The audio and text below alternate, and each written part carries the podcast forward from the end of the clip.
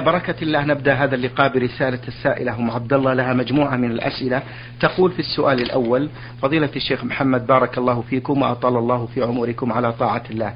أرجو تفسير الآية الكريمة. هو الذي أنزل عليك الكتاب بالحق منه آيات محكمات هن أم الكتاب وأخر متشابهات.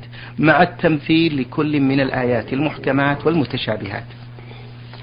الحمد لله رب العالمين وصلى الله وسلم على نبينا محمد وعلى آله وأصحابه ومن تبعهم بإحسان إلى يوم الدين. قوله تعالى هو الذي أنزل على الكتاب منه آيات محكمات هن أم الكتاب وأخر متشابهات.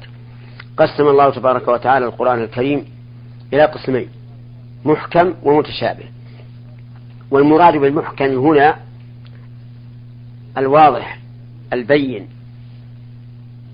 الذي لا يخفى على أحد معناه مثل السماء والأرض والنجوم والجبال والشجر والدواب وما أشبه هذا هذا محكم لأنه لا اشتباه في معناه. وأما المتشابهات فهي الآيات التي يشتبه معناها ويخفى على أكثر الناس ولا يعرفها إلا الراسخون في العلم. مثل بعض الآيات المجملة التي ليس فيها تفصيل. فتفصلها السنة. مثل قوله تعالى أقيموا الصلاة. فإن إقامة الصلاة غير معلومة. والمعلوم من هذه الآية وجوب إقامة الصلاة فقط. لكن كيف الإقامة؟ هذه يعرف من من دليل آخر. والحكمة من أن القرآن نزل على هذين الوجهين الابتلاء والامتحان. لأن من في قلبه زيغ يتبع المتشابه. فيبقى في حيرة من أمره. ومن وأما الراسخون في العلم فإنهم يؤمنون به كله متشابهه ومحكمه ويعلمون أنه من عند الله. وأنه لا تناقض فيه. ومن أمثلة المتشابه قول الله تبارك وتعالى ثم لم تكن فتنتهم إلا أن قالوا والله ربنا ما كنا مشركين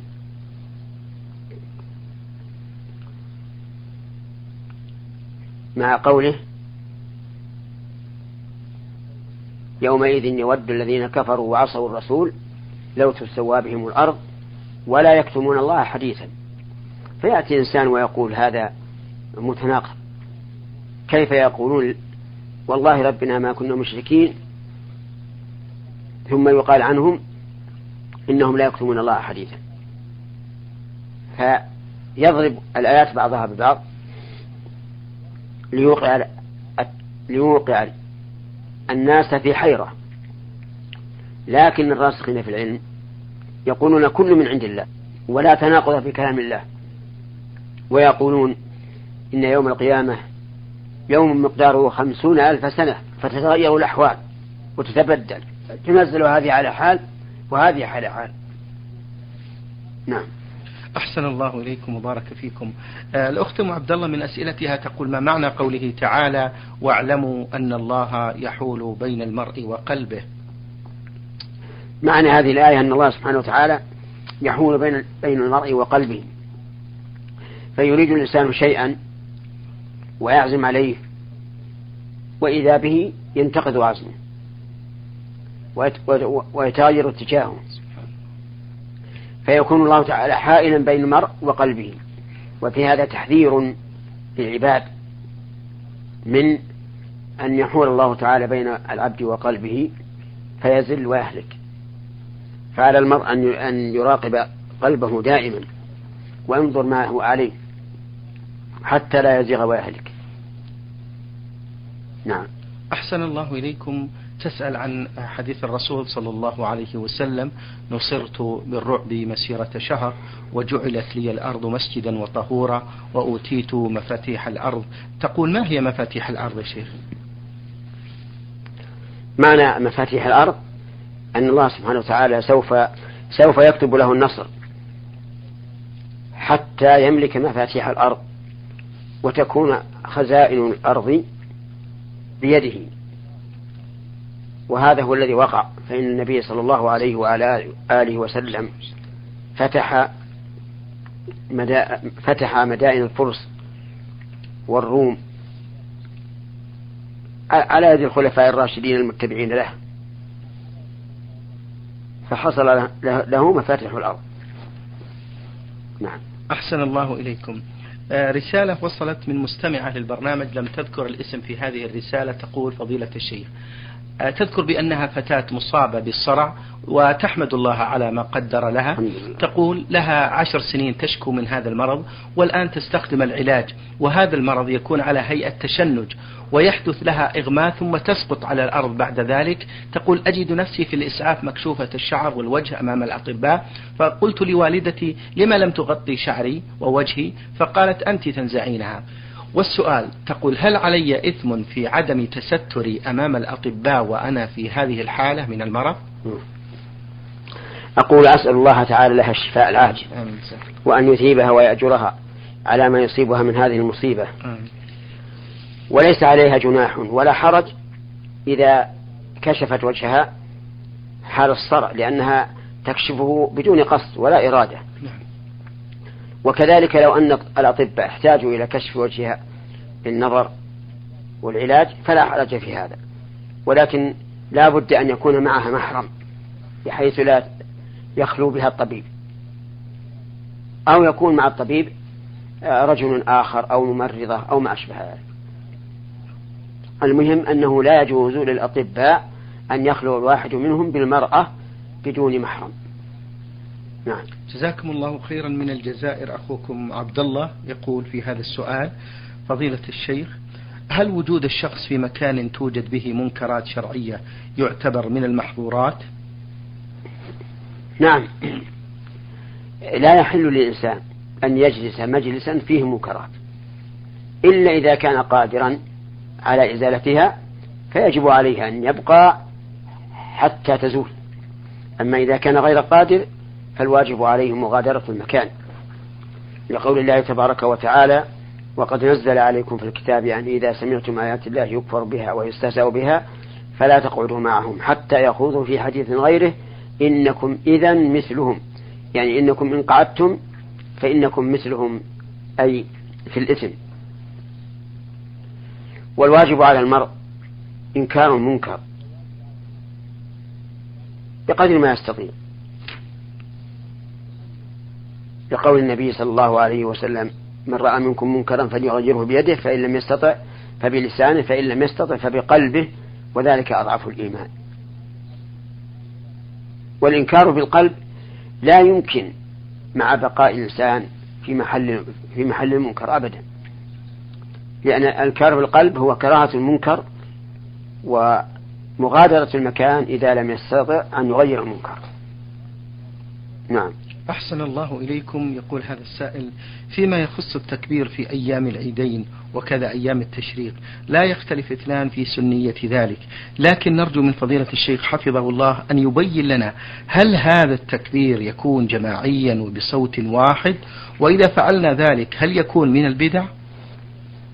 الصحيح أنه لا يكون بصوت واحد وإنما يكبر كل إنسان لنفسه كما قال أنس بن مالك رضي الله عنه أنهم كانوا مع النبي صلى الله عليه وعلى آله وسلم في حجة الوداع منهم الملبي ومنهم المكبر. فكل إنسان يكبر لنفسه على حسب اللهجة التي يريدها. وأما الاجتماع على التكبير بصوت واحد فلا أعلمه في السنة. نعم.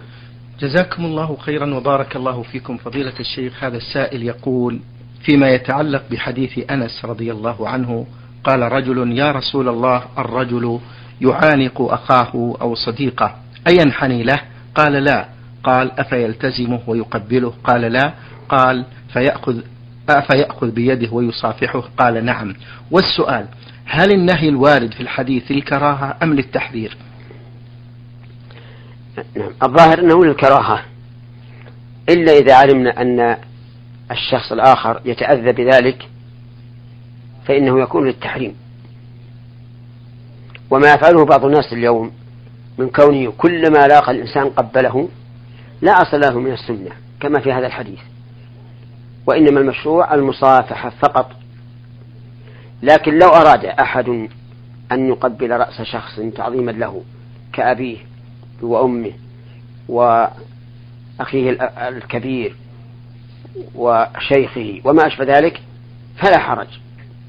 لكن كونه كلما رآه صافحه وقبل رأسه هذا ليس من السنة. نعم لو قدم أحدهما من سفر ولقيه الآخر بعد هذا السفر فلا حرج. هنا شيء آخر. نعم وهو ما اعتاده كثير من الناس اليوم. إذا لاقى الإنسان أخذ برأسه وقبله بدون مصافحة وهذا لا شك أنه خلاف السنة. يقول بعض الناس إنني أريد أن أقبل رأسك فنقول نعم. تقبيل الرأس لا بأس به لكن صافح أولا حتى تأتي بالسنة ثم قبل الرأس ثانيا.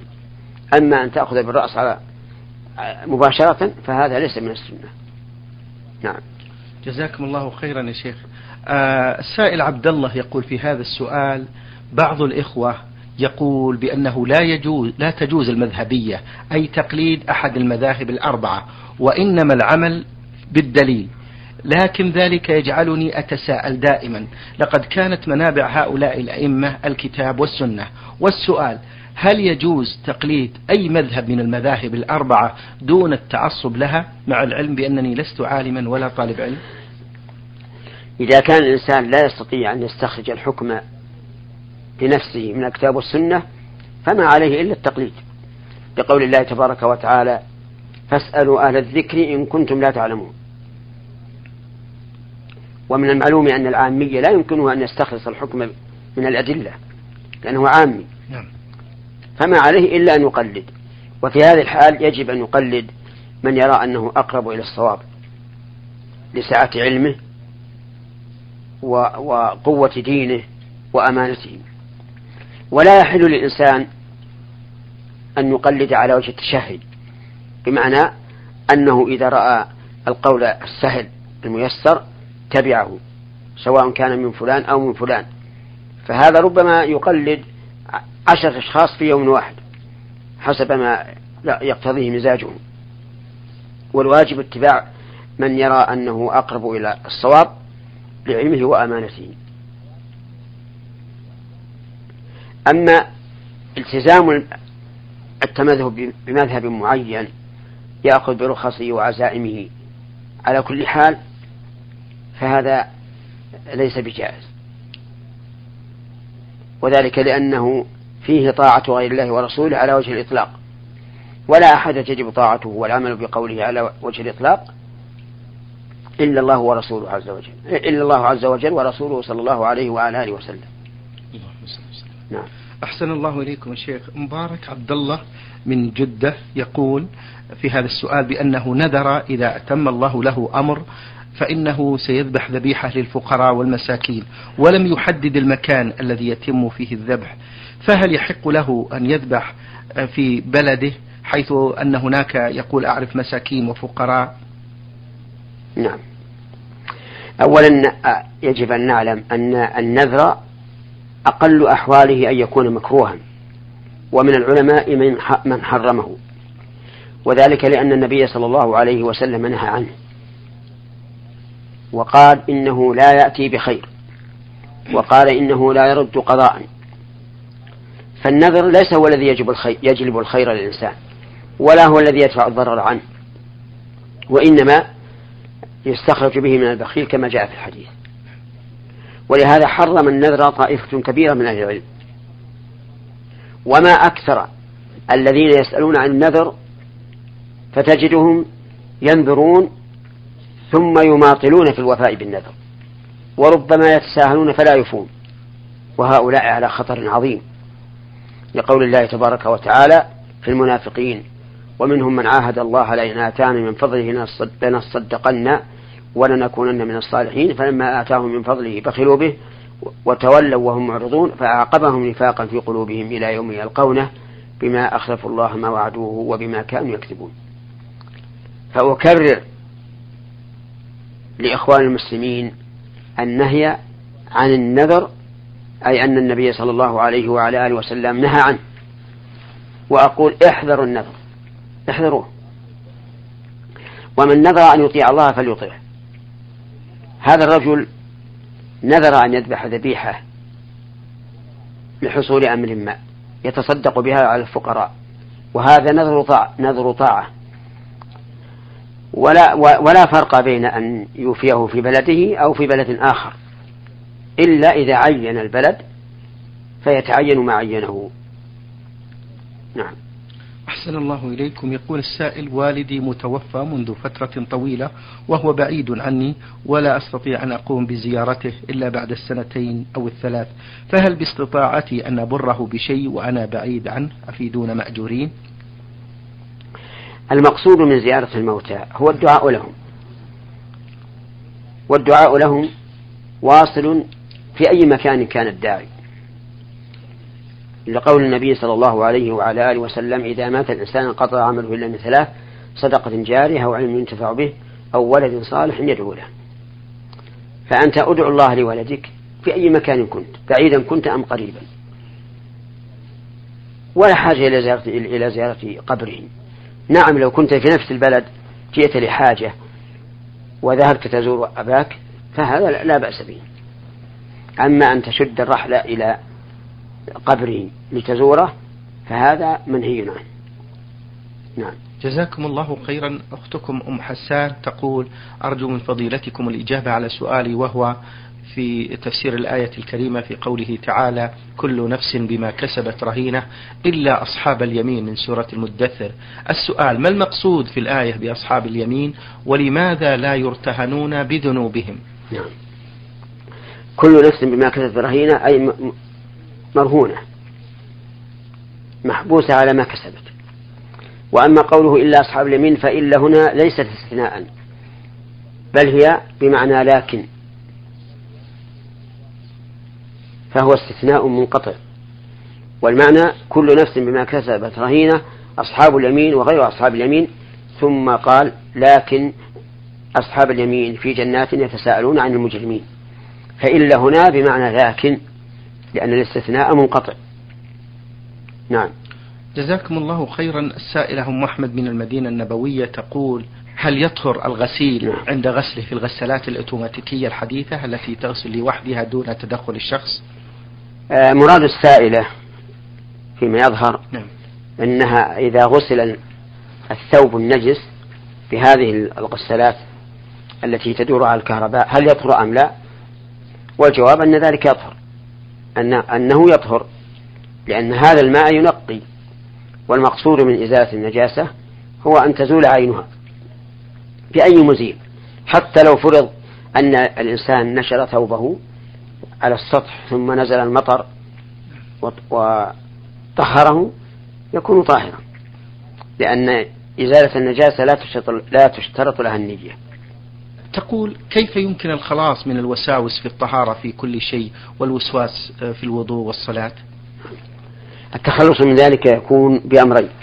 الأمر الأول الاستعاذة بالله من الشيطان الرجيم. فإن الشيطان يوسوس في صدور الناس ويشككهم في أمور دينهم بل حتى في غير أمور الدين. يتسلط على الإنسان حتى يبقى الإنسان دائما ليس على يقين من أمره. فيستعين بالله من الشيطان الرجيم. آه الأمر الثاني أن يعرض عن هذا بقلبه. ولا يلتفت إليه وكأنه لم يكن.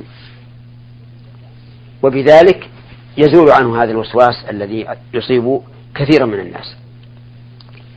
وعليه فليستعذ بالله من الشيطان الرجيم ولينتهي ويعرض عن هذا نهائيا. نعم.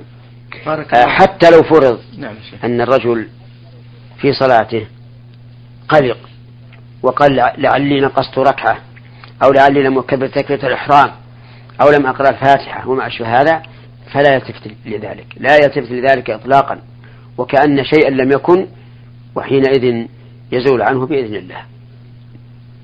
نعم. جزاكم الله خيرا. آه السائل ميم عين سين يقول في هذا السؤال فضيلة الشيخ هل كل رؤيا للميت تكون صحيحة عندما يرونه الأهل؟ لا. ليست كل رؤيا يراها الإنسان في ميت تكون صحيحة. قد تكون صحيحة وقد تكون غير صحيحة. وذلك أن الشيطان يستطيع أن يضرب مثلا بالميت فيراه النائم وكأنه صاحبه وليس إياه. لأن كل واحد من بني آدم يمكن أن يتمثل به الشيطان إلا رسول الله صلى الله عليه وعلى آله وسلم. نعم. يقول السائل ميم عين سين ما هي أحسن الصدقات للميت وكيف تصل له. أقول إن الأفضل أن يدعو الإنسان للميت دون أن يتصدق عنه. يعني لو جاءنا سائل يقول هل الأفضل أن أدعو لأبي بالمغفرة والرحمة أو أن أتصدق له بألف ريال؟ قلنا الأفضل أن تدعو له بالمغفرة والرحمة.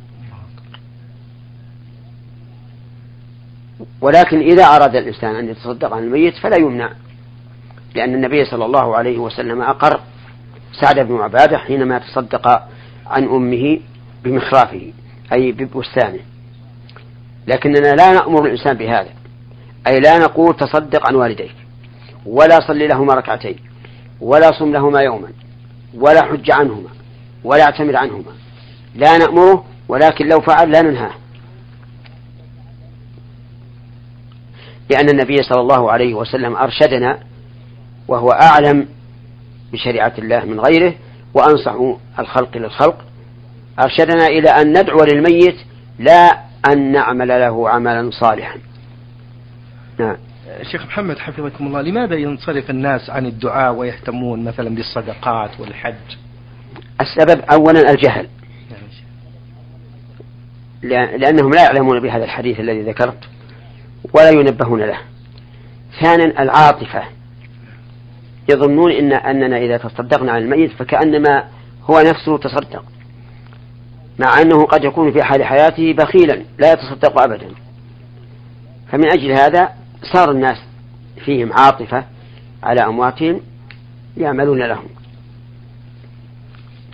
نعم. حفظكم الله وسدد خطاكم هذه رسالة آه وصلت من آه مستمعة للبرنامج تقول إن والدي قد توفي منذ سنوات قليلة وقد كان لا يداوم على الصلاة بسبب المرض الشديد الغرغرين وكان ينطق بالشهادتين دائما وقد نطق بها قبل وفاته وكان موحدا لله تبارك وتعالى. تقول السؤال هل يجب علي موالاة أبي في هذه الحالة وأن أبره بالدعاء؟ له بالمغفرة والرحمة والصدقة. وهل هذه الحالة لا ينطبق عليها الحديث الشريف إذا مات ابن آدم انقطع عمله إلا من ثلاث وذكر من ذلك الولد الصالح يدعو له. وذلك لأنني أحبه حبا كثيرا. جزاكم الله خيرا. الوالد الذي سألت عنه المرأة